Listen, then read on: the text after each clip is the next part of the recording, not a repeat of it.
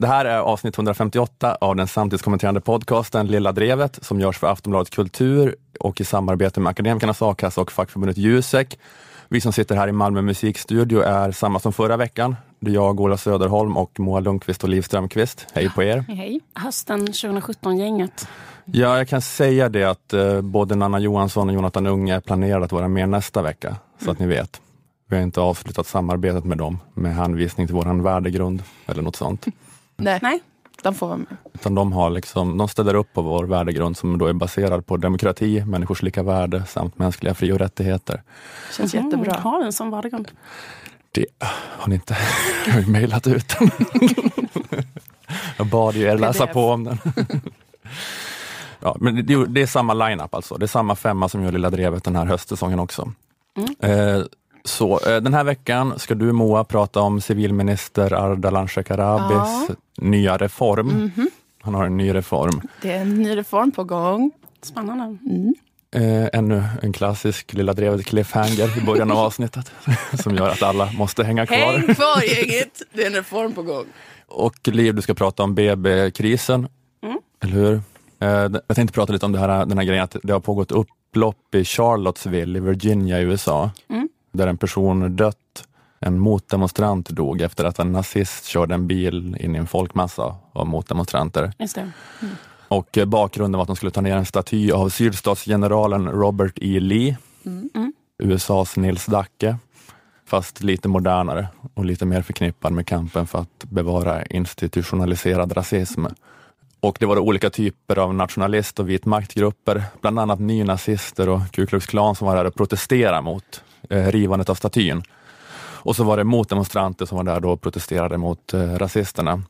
Och då har det varit kaos med Donald Trump sedan dess för att han har varit svajig med att ta avstånd från rasisterna. Utan han pratade först om att det var hemskt i allmänhet och att det var eh, very bad people on both sides och så som bråkade.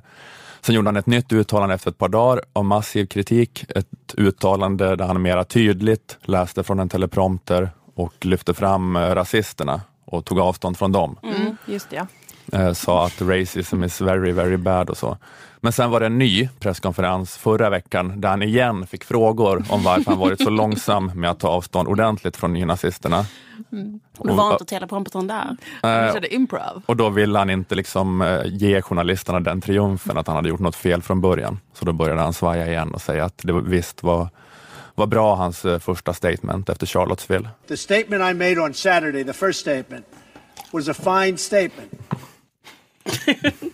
det låter inte som att han har engelska som första språk. Eller alltså inte på vokabulären i alla fall. Det är väldigt sån enkel han är en bra president kommunikativt internationellt tycker jag. Alltså, det är så enkel engelska. Det är så himla konstigt kränka honom. Det låter inte som att han har engelska som först. Ja, han är den första liksom, amerikanska presidenten som pratar sån Erasmus-engelska. Så very, very fine, very, very nice. Very, just det där upprepa ord är sånt som mm. folk, för det gör inte folk som har engelska som modersmål så mycket, utan det är mer något som typ till exempel svenskar gör, att man säger really, really och så. Really, really nice. Och, och, Trump pratar så.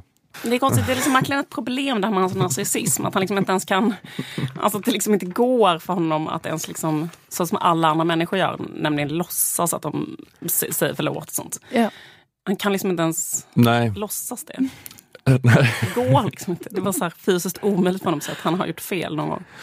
Ja, och sen den här, det, där, det där var typ i början av det här 17 minuters klippet tror jag, det där som jag spelade upp. Sen var det var man en lång förvirrad skrikmatch med journalisterna där Trump yrade om att eh, visst, the nazis are bad, but what about the alt left? Att han, han, kom, han lanserade begreppet alt left då som the alt right fast vänster. Alt left that came charging. Att de var, they came charging.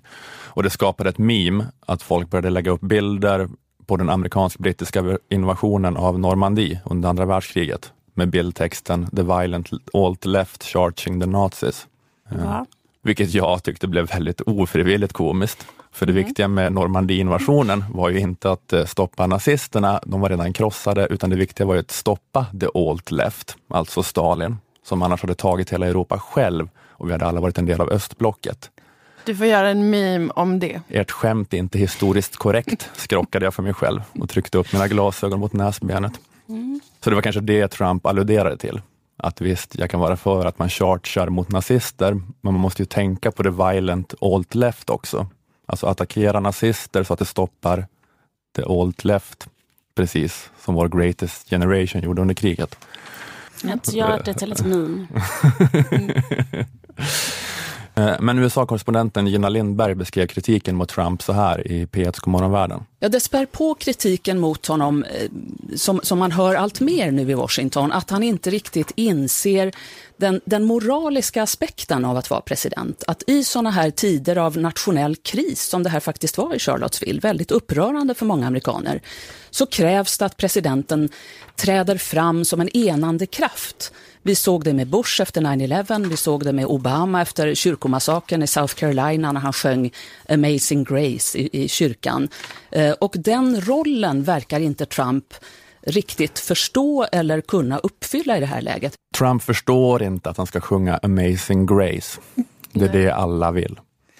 Det är fruktansvärt att Trump inte trädde fram som en enande kraft.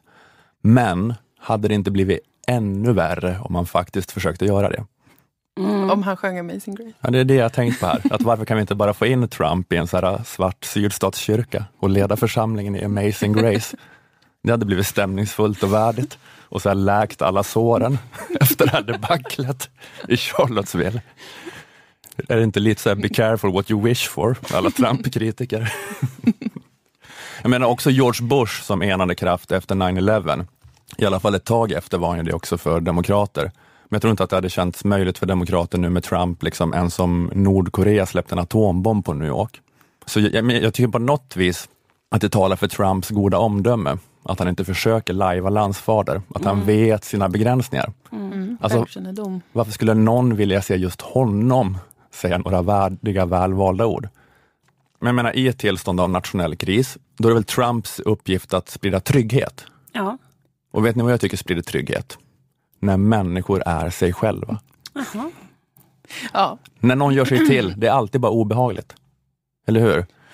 Har man en ängslig mobbare med skört ego och ingen annan moralisk kompass än sin narcissism till president så är väl det kanske synd. Men om man nu är det, då är det väl bättre att utgå från det. Alltså det är så himla obehagligt när någon som har den här mobbande, hånflinande, auktoritära personligheten när den ska försöka låtsas som något annat. Jag menar, om jag så ser liksom på eh, Zlatans Instagram, som jag gör ibland, att han bara står och spänner sig och gör roundkicks och säger I'm, I'm a king, I'm a legend. Då är det störigt, men det är ändå, det är ändå mera tryggt än ja. när hans PR-avdelning så här tvingat honom att spela in någon film där han säger jag hejar på damfotboll. Lycka till EM tjejer. Det är ju mycket, mycket mer oroskapande. Det, det här är en teori i alla fall. Att ja. kanske är det så att Trumps beteende, att han aldrig släpper sin störiga act, är det som mest bevarar lugnet i USA. Absolut, och sen också att han liksom har gett eh, alla människor i USA nu ett sånt 17 minuter långt eh, klipp på honom som står och yrar och skriker, som alla liksom kan enas kring att han är en dåre. Ja, men, och, och också, mysa kring det. Exakt, och jag menar, och, men för, sen så enas ju inte alla kring det, men, alltså han, men menar, hans supportrar de gillar ju honom för att han aldrig ger efter en millimeter för mainstream medias uppförandekoder. Även om det är, alltså du ska bara säga nej till dem oavsett vad. Mm. Alltså, så för deras skull, han ska ju bara fortsätta vara maximalt obstinat. Uh, och för de andra kommer han ju då, som sagt, ändå aldrig vara någon enande figur. Och då är det, ja, som du säger, att det, att det bästa sättet att vara en enande kraft är kanske snarare då att vara en sån perfekt idiot som istället då kan plockas isär varje kväll i Liberalernas midnattsmässa, Stephen Colberts show, där de får bearbeta sina trauman i ett tryggt rum. Så jag menar bara, det mest presidential Trump kan göra vid tider av kris är att bete sig riktigt opresidential. För då blir han trygg i sin otrygghet. Han har ju sin bakgrund i reality-tv och wrestling och han har tagit sin wrestlingpersona till politiken och gjort hela landet till arenan.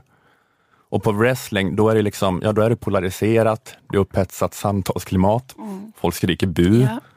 folk älskar eller hatar. Mm. Men det som verkligen hade skapat kaos inne på arenan skulle ju vara om någon plötsligt lämnade sin karaktär. Ja, det har varit jättekonstigt och obehagligt. Så menar, det kanske är det bästa för stabiliteten att Trump stannar i karaktär, no matter mm. what.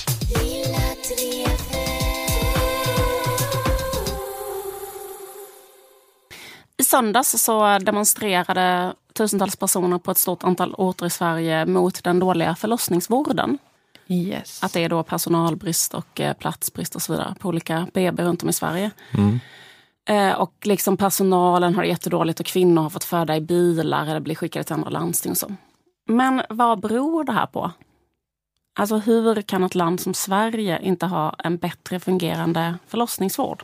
Det är faktiskt konstigt. Visst är det konstigt? Man Ja, undrar jag- på riktigt tycker jag. Jag förstår faktiskt inte. Betalar vi inte jättemycket skatt i Sverige då jämfört med andra länder? Eller hur? Och det går ju att räkna på så tydligt. Precis. Man vet ju vilka som är gravida och när de ska föda. Jag vet, och har vi inte en helt okej ekonomi, säger ju ändå alltid alla politiker. Ja.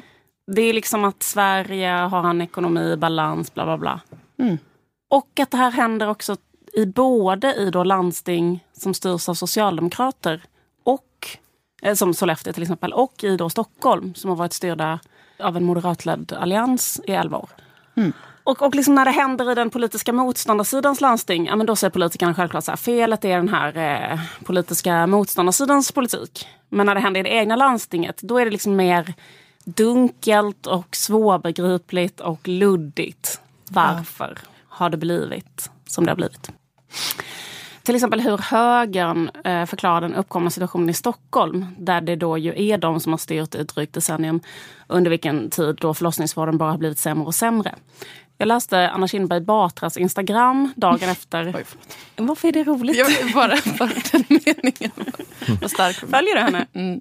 Ja, du Nej, jag, nej, men jag följer inte, men jag går in på som, är, som ett creep. För att jag vill inte att de ska veta att jag följer dem. Jaha, jag följer. Jag skriver ful hund under varje instapost hon gör. Hon har gjort ett väldigt starkt, eh, hon har gjort ett väldigt starkt Instagram-val att skaffa en hund. Som hon började instagramma kraftigt. Direkt efter det här med att hennes, hon fick kritik för sin personlighet. Dagen efter det så dyker det upp den jättegulliga valpen Bodil på inlägg Ja. efter inlägg. Insnodd en morgonrock. Hallå matte, ska du gå upp? Då får jag ha... Alltså hon skriver såna captions som att Bodil pratar. Det tycker jag bara är obehagligt. Om jag var PR-person till Anna, då skulle jag säga skriv inte som med hundens röst. För att det är obehagligt gjort. Ola, du trodde ju att hunden var uppstoppad. Va? Har jag sagt det? Du sa det. Konstigt sagt. Du, du trodde att Bodil bara var liksom en uppstoppad hund som en PR-person fotar i någon fotostudio. Ja, okej. För att det kändes så stelt allting kring Bodil. Eller att det var en för stor uppoffring att skaffa en riktig hund bara för att vara mer likeable som människa. Ja, ja, precis. Ja, Men jag är så stark antihusdjursmänniska så jag kanske bara projicerade mig själv. Men om jag var en politiker som var tvungen att skaffa, skaffa hund på grund, utav, på grund utav mina förtroendesiffror så hade jag nog drivit igenom med min stab att det skulle vara en uppstoppad hund som jag fick sitta och klappa på bilder. Men vet ni också att Bodil har ett eget Instagramkonto? Nej. Jo, Va, har ni? jag tror det. Vi måste kolla upp innan vi... Det är ganska vanligt tyvärr förekommande. Att folk gör Instagramkonton till sina djur. Eh, men vad instagrammade då Anna Kinberg Batra dagen efter BB-marschen? När som sagt tusentals människor protesterade mot den dåliga förlossningsvården. Då har hon lagt upp en bild på sig själv och sin, alltså en TB, hashtag TB-bild på sig själv och sin nyfödda dotter. Det är lite, kanske 12 år gammal bild. När de sitter i riksdagens matsal och äter. Och till bilden skriver hon så här. Lillan och jag i restaurangriksdagen 2006 när hon bara var några månader och fick följa med mamma på jobbet ibland. Alla föräldrar har sina minnen från den där första tiden om att få tillvaron att fungera när barnet väl har kommit. Men vägen dit kan vara svår. Alla som har gått igenom det har sina mer eller mindre dramatiska upplevelser av att få och föda barn. Många är oroliga för att det inte ska funka som det ska, om vad som ska hända om något blir fel, om man inte får hjälp i tid. Idag deltar många i hashtag BB-marschen om behovet av förlossningsvård som finns och fungerar när vi behöver den. I stora och viktiga och avgörande händelser i livet, närmare bestämt. Snedstreck Anna. Okej. Vad betyder, vad Vad betyder ville det? hon Att hon sympatiserar med kampen. mot sin egen politik? Nej, men vad betyder det? Alltså jag fattar ingenting. Vad vill hon göra? Som, hur förklarar hon den uppkomna situationen? Det, det Alltså hon är liksom inte en, bara en människa som står på gatan och tittar på en sån BB-marsch. Nej. Hon är ju en, eh, en politiker Mm. som eh, borde ha en politik eller har, en, har ett parti som har drivit. Alltså förstår du vad jag menar? Hon bara känner helt...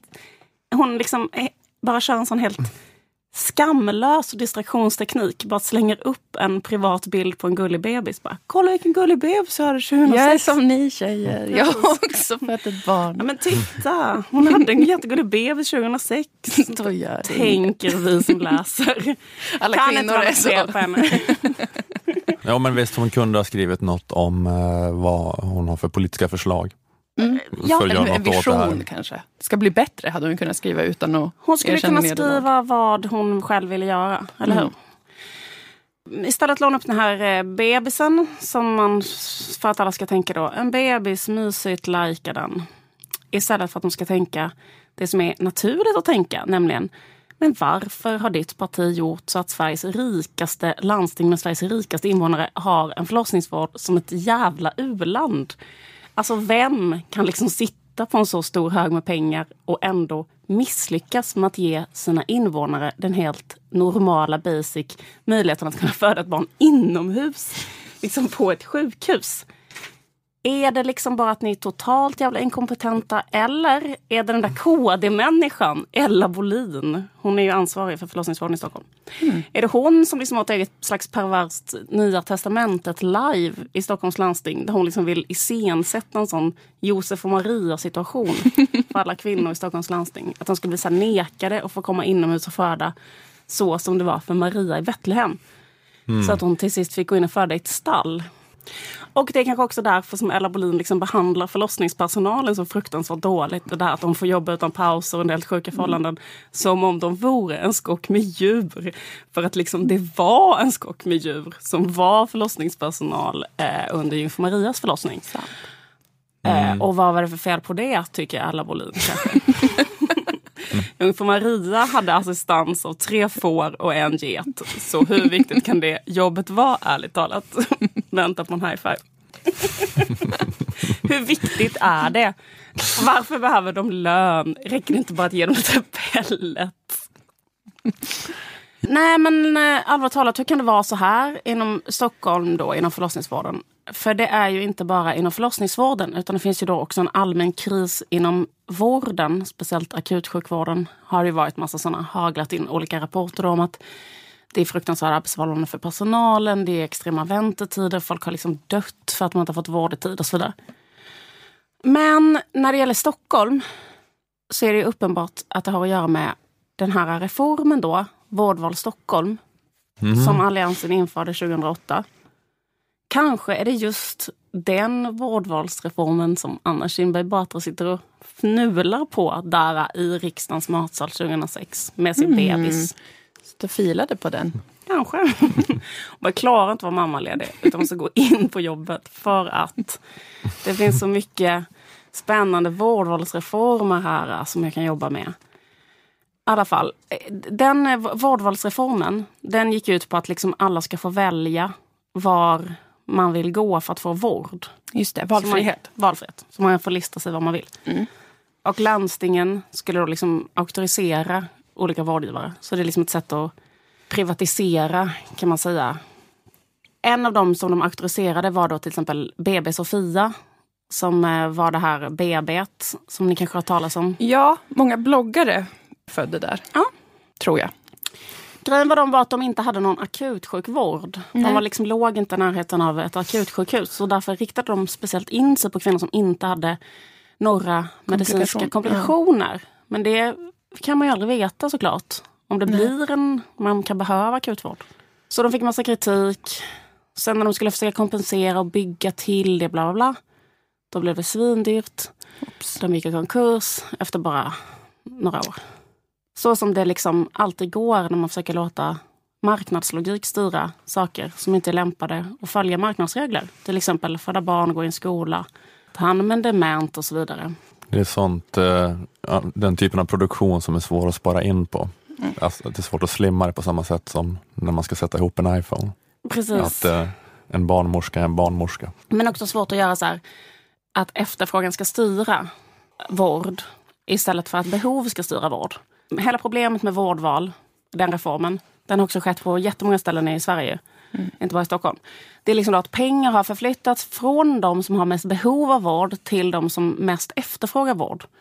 Riksrevisionen gjorde en sån eh, kritisk rapport om, den här, om det här år 2014 och de skrev så här. Vårdvalet har främst gynnat patienter med mindre vårdbehov och högre socioekonomisk status. För när efterfrågan på vård har fått styra så har relativt friska individer från gynnade samhällsgrupper ökat sin vårdkonsumtion. Mm. Så att eh, väldigt rika människor får gå och göra olika prov. Att jag har kanske något med magen. Precis. Att jag skulle kanske behöva få reda på exakt hur glutenkänslig jag är. Precis. Det har då uppstått många fler vårdcentraler i områden där det bor väldigt välbärgade människor som egentligen inte har så stort behov av vård. Medan liksom läkartätheten i exempelvis Rinkeby och så, har minskat jättemycket sedan man införde detta. I alla fall, Riksrevisionen eh, har eh, då granskat liksom hur konsumtionen av vård har utvecklats. För vårdvalet finns då på massa ställen som jag sa. Då har de kollat Region Skåne och Västra Götalandsregionen. Resultaten visar att friska individer gör fler läkarbesök efter vårdvalsreformens införande medan de sjuka patienterna gör färre. I Skåne var det 1700 individer med en allvarlig sjukdomsbild som inte träffade en läkare under en tvåårsperiod. Under samma period tillkom det 47 000 nya besökare med lindriga eller självläkande symptom. Wow. Det är ju, en av dem är jag. Men det låter för jävligt. Jag tycker Ja. att det här är väldigt, Måste kunna väldigt... lyfta dig över, lyfta blicken lite grann och se ett Jag tycker bara, samhällsperspektiv. wow vad skönt att 47 000 fick svar på om det verkligen var järnbrist. Jag tycker att det, att det här är väldigt, väldigt, väldigt, väldigt viktigt. Och jag tycker det är så viktigt att vi kommer ihåg det här. Moa och Ola, kommer ni komma ihåg det här som jag sa nu? Att högerpolitik inom vården, även där det är sossar som styr så är det högerpolitik, har lett till att 1700 individer i Region Skåne med allvarlig sjukdomsbild inte träffade en läkare under en tvåårsperiod. Medan det tillkom 47 000 nya besökare. Det är så många. Hur många var det? 47 Bra. 000! Hur ofta Ola träffade de som var jätte, jättesjuka en läkare? De gjorde- inte på två år. Rätt. Va- Varför gjorde de inte det? Eh, Var det för att eh, de inte, på grund av köer? Ja, eller? för då finns det så mycket köer där. Och det finns så få läkare. Och då är alla läkare istället på de här... För att det är det att vårdcentralerna får liksom betalt per läkarbesök, inte så per patient. Just det, så det är därför har också, för antalet besök har ökat jättemycket uppenbarligen här. Ja. För det var plus 47 000 minus 1700. Men då är det att man kan beta av, så här, så här, nej du har inte järnbrist, liksom, du behöver Men kom gärna hit nästa vecka för Ja. då får vårdcentralen mer pengar. Och Ja, kolla din träningsverk. Precis, så att det är liksom eh, Imagine the softest sheets you've ever felt. Now, imagine them getting even softer over time. I'm here to tell you about Bowl and Branch sheets. In a recent customer survey, 96% replied that Bowl and Branch sheets get softer with every wash. They're made from the rarest organic cotton and designed to get softer over time. Try their sheets with a 30-night guarantee, plus 15% off your first order with code BUTTERY. So head to B-O-L-L and branch.com today. Exclusions apply. See site for details. Ja, just det. Ja, men det, det, att det blir det incitamentet, att man så att, botar inom citationstecken det som är lätt att bota och då blir varje, varje gång man behandlar något så är det värt lika mycket. Ja. Precis, man förflyttar liksom fokus från att vara behov till att vara efterfrågan. Det är viktigt att vi kommer ihåg det här. Att högerpolitik och marknadstänkande inom vården har lett till det här. Därför att högern håller på med en sak, ett slags propagandistiskt grepp som vi alla måste vara väldigt uppmärksamma på. Det är därför man måste komma ihåg de här siffrorna. Och det propagandistiska greppet är att säga att olika saker som är fel i samhället liksom inte beror på politiska beslut och politik utan det beror på att människor gör fel. Typ människor är slöa eller curlade eller människor är överkänsliga eller dåligt uppfostrade och så vidare. Lyssna nu bara på vad jag hörde högerdebattören Hanne Kjöller säga i Godmorgon världen i somras. När hon pratade om krisen inom vården. Varför har akutsjukvården till exempel helt havererat? Hanne Sen tycker jag att eh, i mitt eget Facebook-flöde så ser jag ju också när människor har varit på akuten och suttit med sina barn på barnakuten eller själva sökt eller vårdcentral. Att det finns en fullständigt orimlig förväntan på att eh, få träffa specialister för rent ut sagt skit och kommor. Och det här är ju någonting som politikerna inte pratar om och det måste vi börja prata om. Att i en offentligt finansierad vård så måste det vara behov och inte efterfrågan som styr. Mm, alltså här ser ju hon ett problem som finns då. Att de gemensamma resurserna används fel. Men istället för att erkänna den riktiga orsaken till detta, som är då högerpolitik eller det här vårdvalet, så säger hon att det är liksom enskilda personers fel. Att politiken ska prata om det, att folk är överkänsliga. Just det. Så var det med Sollefteå också där när förlossningen lade ner. Det var mycket så. Men man kan inte förvänta sig att ha förlossningen så nära. Man måste kunna stå ut med att åka lite bil. Det är också, personer måste klara av att åka bil till sin förlossning. Till Precis. exempel. Det är ju så här också en ganska välkänd retorisk figur inom högern. Till exempel när man kollar på så här ungdomsarbetslösheten så är det ju vanligt att liksom, istället för att säga så här, ja det har skett väldigt stora strukturella förändringar på arbetsmarknaden sedan 60-talet till exempel. Vilket gör att så här, ungdomar har en helt annan situation när de ska söka jobb. Så säger man så här, nej men det beror på att dagens ungdomar är curlade och jättelata. Det är därför de inte jobbar. Så som jag gjorde när jag gick ner i hamnen och gjorde ett påhugg. Eh, eller hur man nu jobbade på 60-talet. Ja, jag tror Det- var ännu tidigare. Det där. Gå ner i hamnen. Jag tror att det är mer än någon slags 20-talsfantasi. Men 60-talet gick man väl till Arbetsförmedlingen så fick man välja jobb från en lista. Och sen gick man till bostadsförmedlingen och kryssade i vilken bostad man ville ha. Men så säger de nu då när ungdomar inte får ett jobb. Ja, det är för att de är slöa, eller hur? Eller Ja. typ varför är folk arbetslösa? Beror det på så strukturella omvandlingar i hur allt arbete ser ut och bla bla olika sektorer? Eller är det så här att arbetslösa inte är tillräckligt duktiga på söka jobb? Ja, det är de som inte är duktiga. Bara, varför har vi driv av människor helt utan sjukdomar som så här, tar upp alla läkares tid så att allvarligt sjuka människor inte kan träffa en läkare? Ja, det är för att de är så här, det, det är på grund av det här eh, narcissistiska eh, liksom, eh, snöflingesamhället. Ja, ja, men jag tror att, eh, att det stämmer allt det där, att det är de här strukturella förklaringarna som är viktiga och att de har lett fel då säkert på många sätt och att det har blivit dåliga incitament. Men jag känner också att Hanne Kjöller har rätt. att alla dagens småbarnsföräldrar åker in till akuten varje gång. Uggar är snurvig. Hon har rätt, men systemet tillåter det. Alltså systemet uppmuntrar det och tillåter det. Eh, och det är högerns eget fel. Så sluta då liksom uh, blame the victim av er egen, eller liksom Ja, finns det vård till mig för att gå till vårdcentralen varje vecka, då kommer jag göra det. Att det här hade skett på 70-talet också om systemet varit så. Det är inte, det är inte förändringen i kulturen i hur så här, helikopterföräldrar och sånt som är det viktiga. Eller ponera att det är en förändring i kulturen. Men då handlar det också om att skapa en struktur som inte uppmuntrar det eller tillåter det. Eller hur? Ett sånt gravt missbruk av de gemensamma medlen. Jag bara tycker att det är värt att hålla koll på den här, så här propagandafiguren som de använder sig av.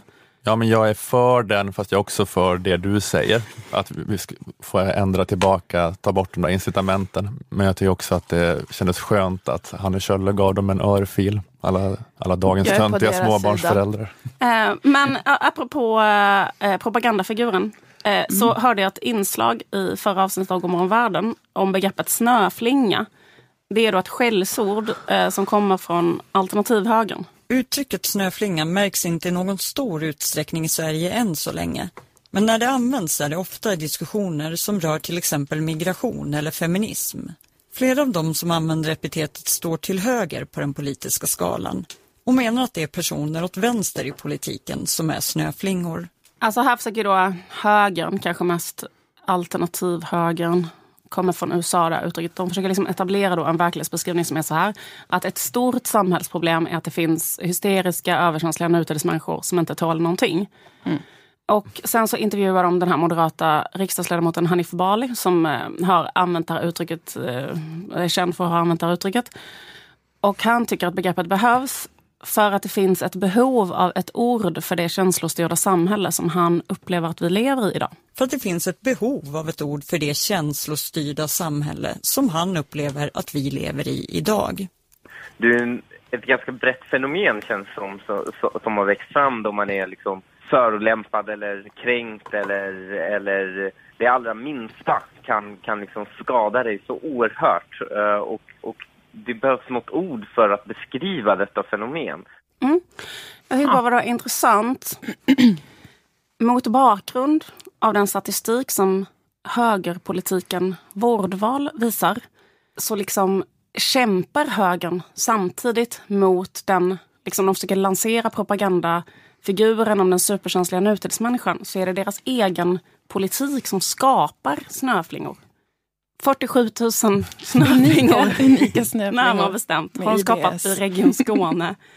säkert deras egna väljare. Säkert asrika människor som röstar blått och liksom uppehåller läkare för att hålla på att undersöka deras jävla skrap som de har fått från någon jävla dressyr, hunddressurtävling. Så att läkaren då inte hinner träffa de här gravt sjuka människorna ofta än var tredje år. Så vem fan är det som beter sig som en snöflinga? Och jag tycker också liksom den här grejen då att man försöker säga, istället för liksom att de försöker liksom dölja, problemet i samhället är att deras politik skapar de här jävla snöflingorna.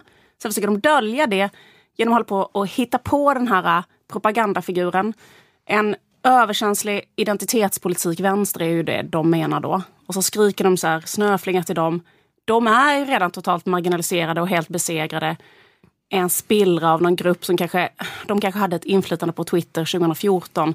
Liksom, eller hur? Men nu består de kanske av 200 personer och sluten Facebookgrupp, har inte någon reell politisk makt överhuvudtaget. Absolut inte utgör något samhällsproblem. Lite makt på kulturdepartementet. Jo, kanske lite. Men skulle ändå säga att pendeln har svängt så pass mycket så att det är inte riktigt, eh, jag tycker inte riktigt det är där snöflingorna finns helt enkelt längre. Även om de snöflingorna finns också. Men varför producerar ni själva då, moderater, som jävla snöflingestorm med det här vårdvalet? Eh, ja, det var bara det jag skulle säga. Det är ni som är snöflingorna. Burn.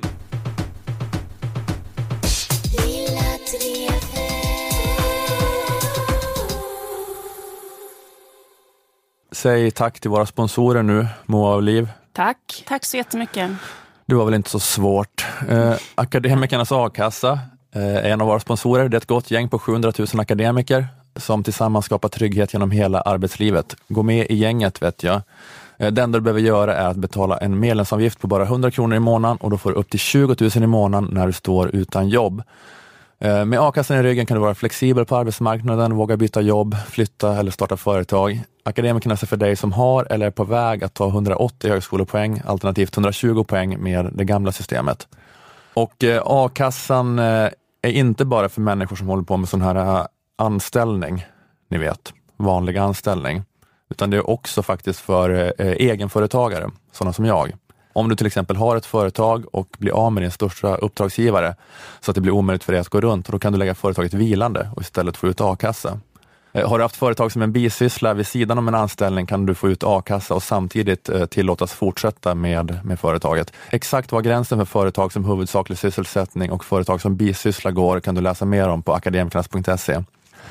Är du eller är på väg att bli jurist, ekonom, systemvetare, personalvetare, kommunikatör eller samhällsvetare ska du gå med i fackförbundet Jusek. Då får du bland annat del av Juseks inkomstförsäkring som ger dig 80 procent av lönen upp till 80 000 kronor. Att vara med i Akademikernas och Jusek kostar 351 kronor sammanlagt. Är du redan Akademikernas medlem lägger du alltså bara till 251 kronor för att också få vara med i facket. Du kan också bli studentmedlem i Jusek för bara 100 kronor som en engångssumma. Läs mer på jusek.se student om alla fördelar som kommer med det. Tar du steget att gå med i a-kassan eller Jusek tack vare den här podden får du gärna skriva det i din ansökan. Du kan också berätta om det i sociala medier under hashtag Lilla Drevet. Tack Akademikernas och Jusek.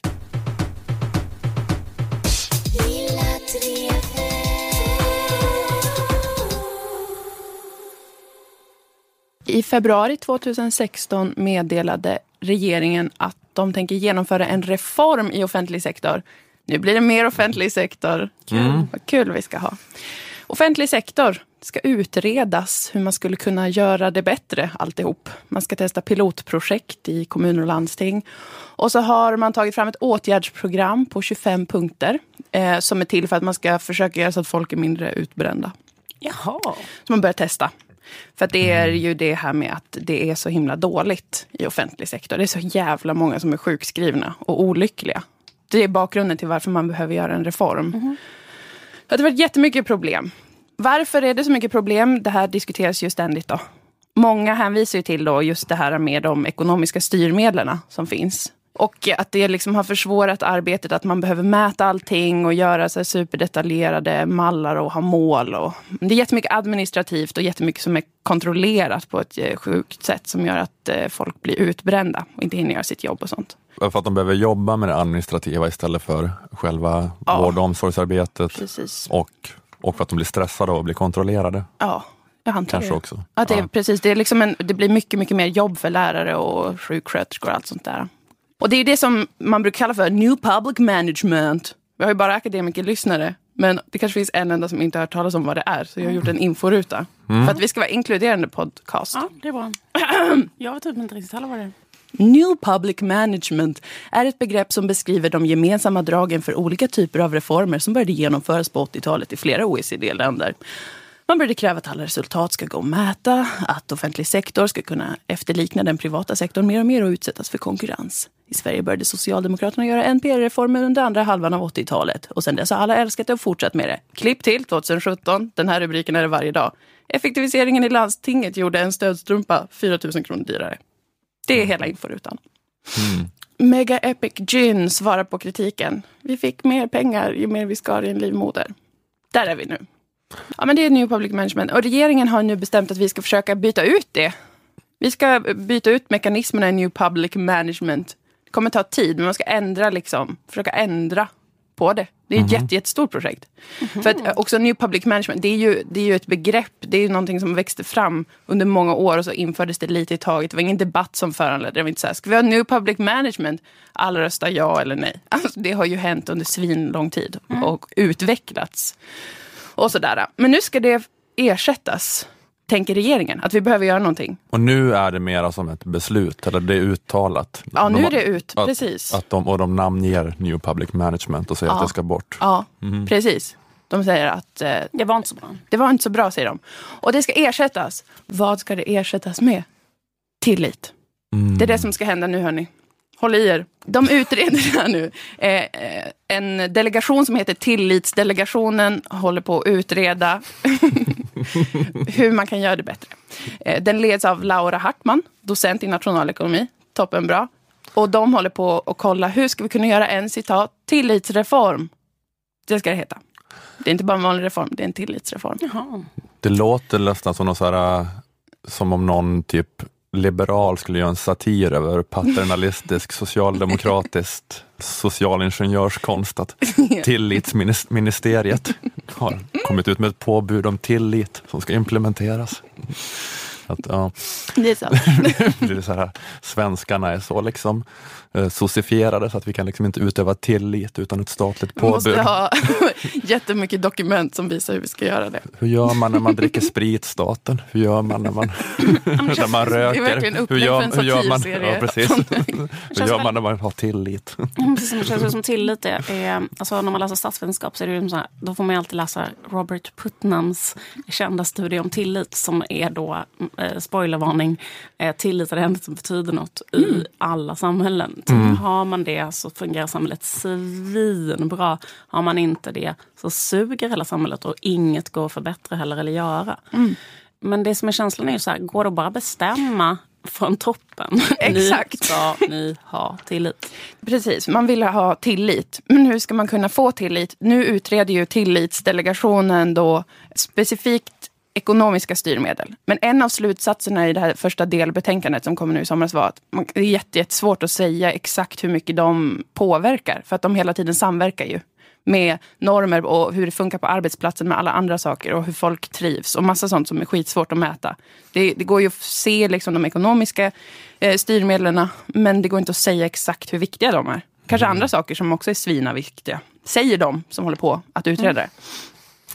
Men för att det är som sagt då, det finns normer och sen så har man pinpointat detta med tilliten. Att nu måste vi ändra så att det finns tillit. Man vill bygga in tillit till medarbetarna, alltså de som jobbar inom offentlig sektor. Det vill man bygga in, göra det viktigt.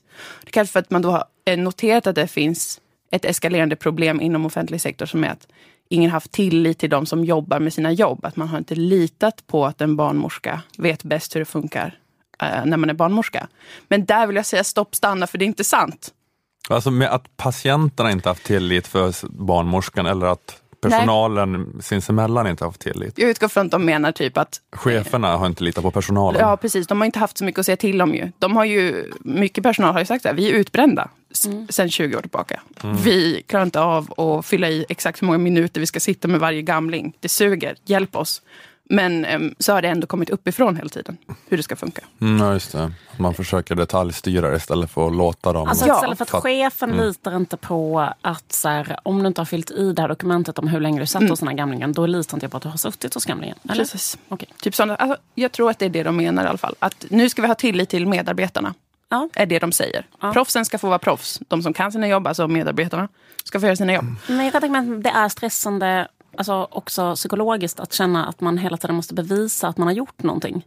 Kan du fylla Ja, i här hur du strök den här gamlingen med för- dödsångest över pannan så Ja. att vi kan få ett mätbart resultat och liksom Man kommer ju ofta in på en toalett, en offentlig få toalett. vårdpengar. eh, Där det står en sån lista. Den här städade här senast. Har ni sett såna? Mm. Och det känns också som en sån grej.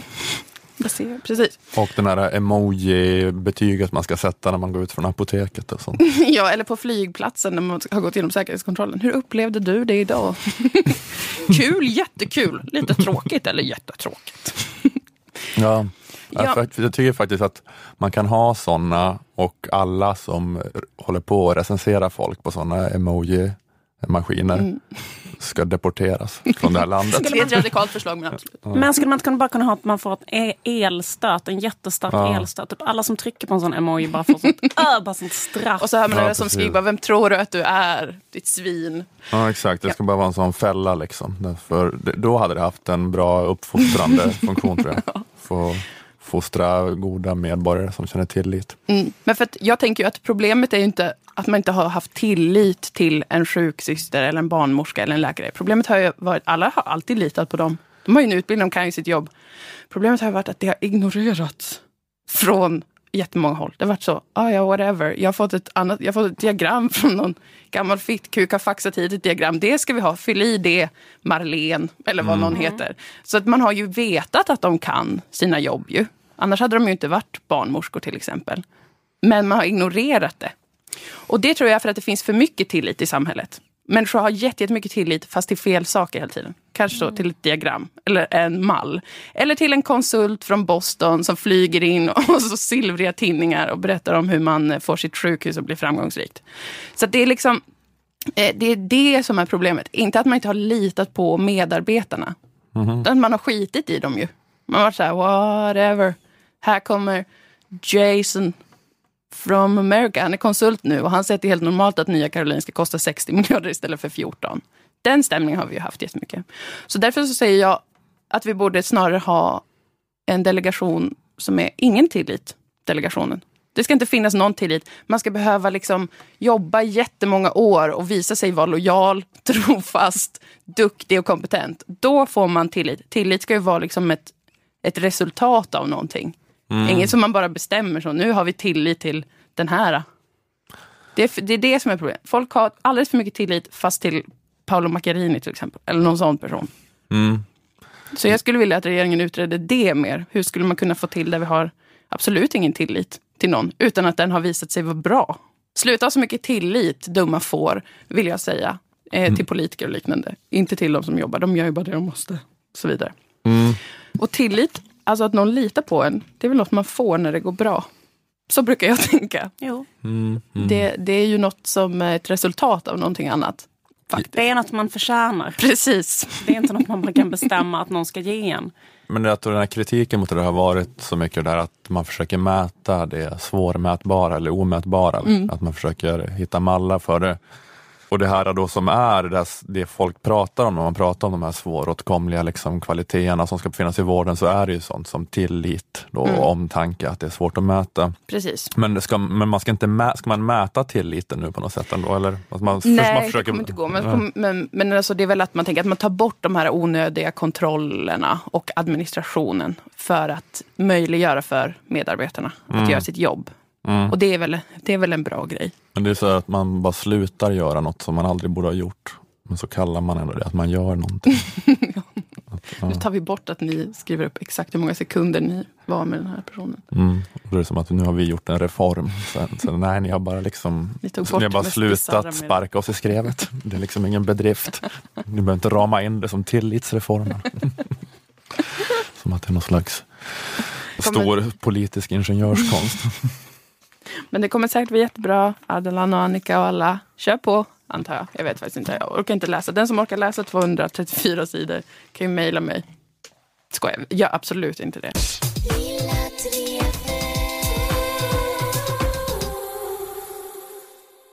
Är det någon som vill säga någonting? Jo, jag och Dilan kommer eh, uppträda på Under jords lilla festival. 2 september. Klockan fyra på dagen på en lördag. Det, blir, eh, det kommer handla om Transportstyrelsen. Undrar varför de har censurerat mig från den festivalen. Va? Och ska, ska, ska ni prata om Transportstyrelsen-skandalen? Mm, vi kommer göra en grej. Okej. Wow, spännande. Det blir live om Transportstyrelsen. Det kan ni väl inte motstå? Nej. Det blir kul. Kom, köp biljetter och kom. Mm. Vi säger eh, tack till Aftonbladet Kultur, Akademikernas A-kassa och fackförbundet Jusek. Tack till Malmö musikstudio där vi spelade in. Jag heter Ola Söderholm, ni heter Liv Strömqvist och Moa Lundqvist. Vi hörs igen om en vecka. Hej då! Hej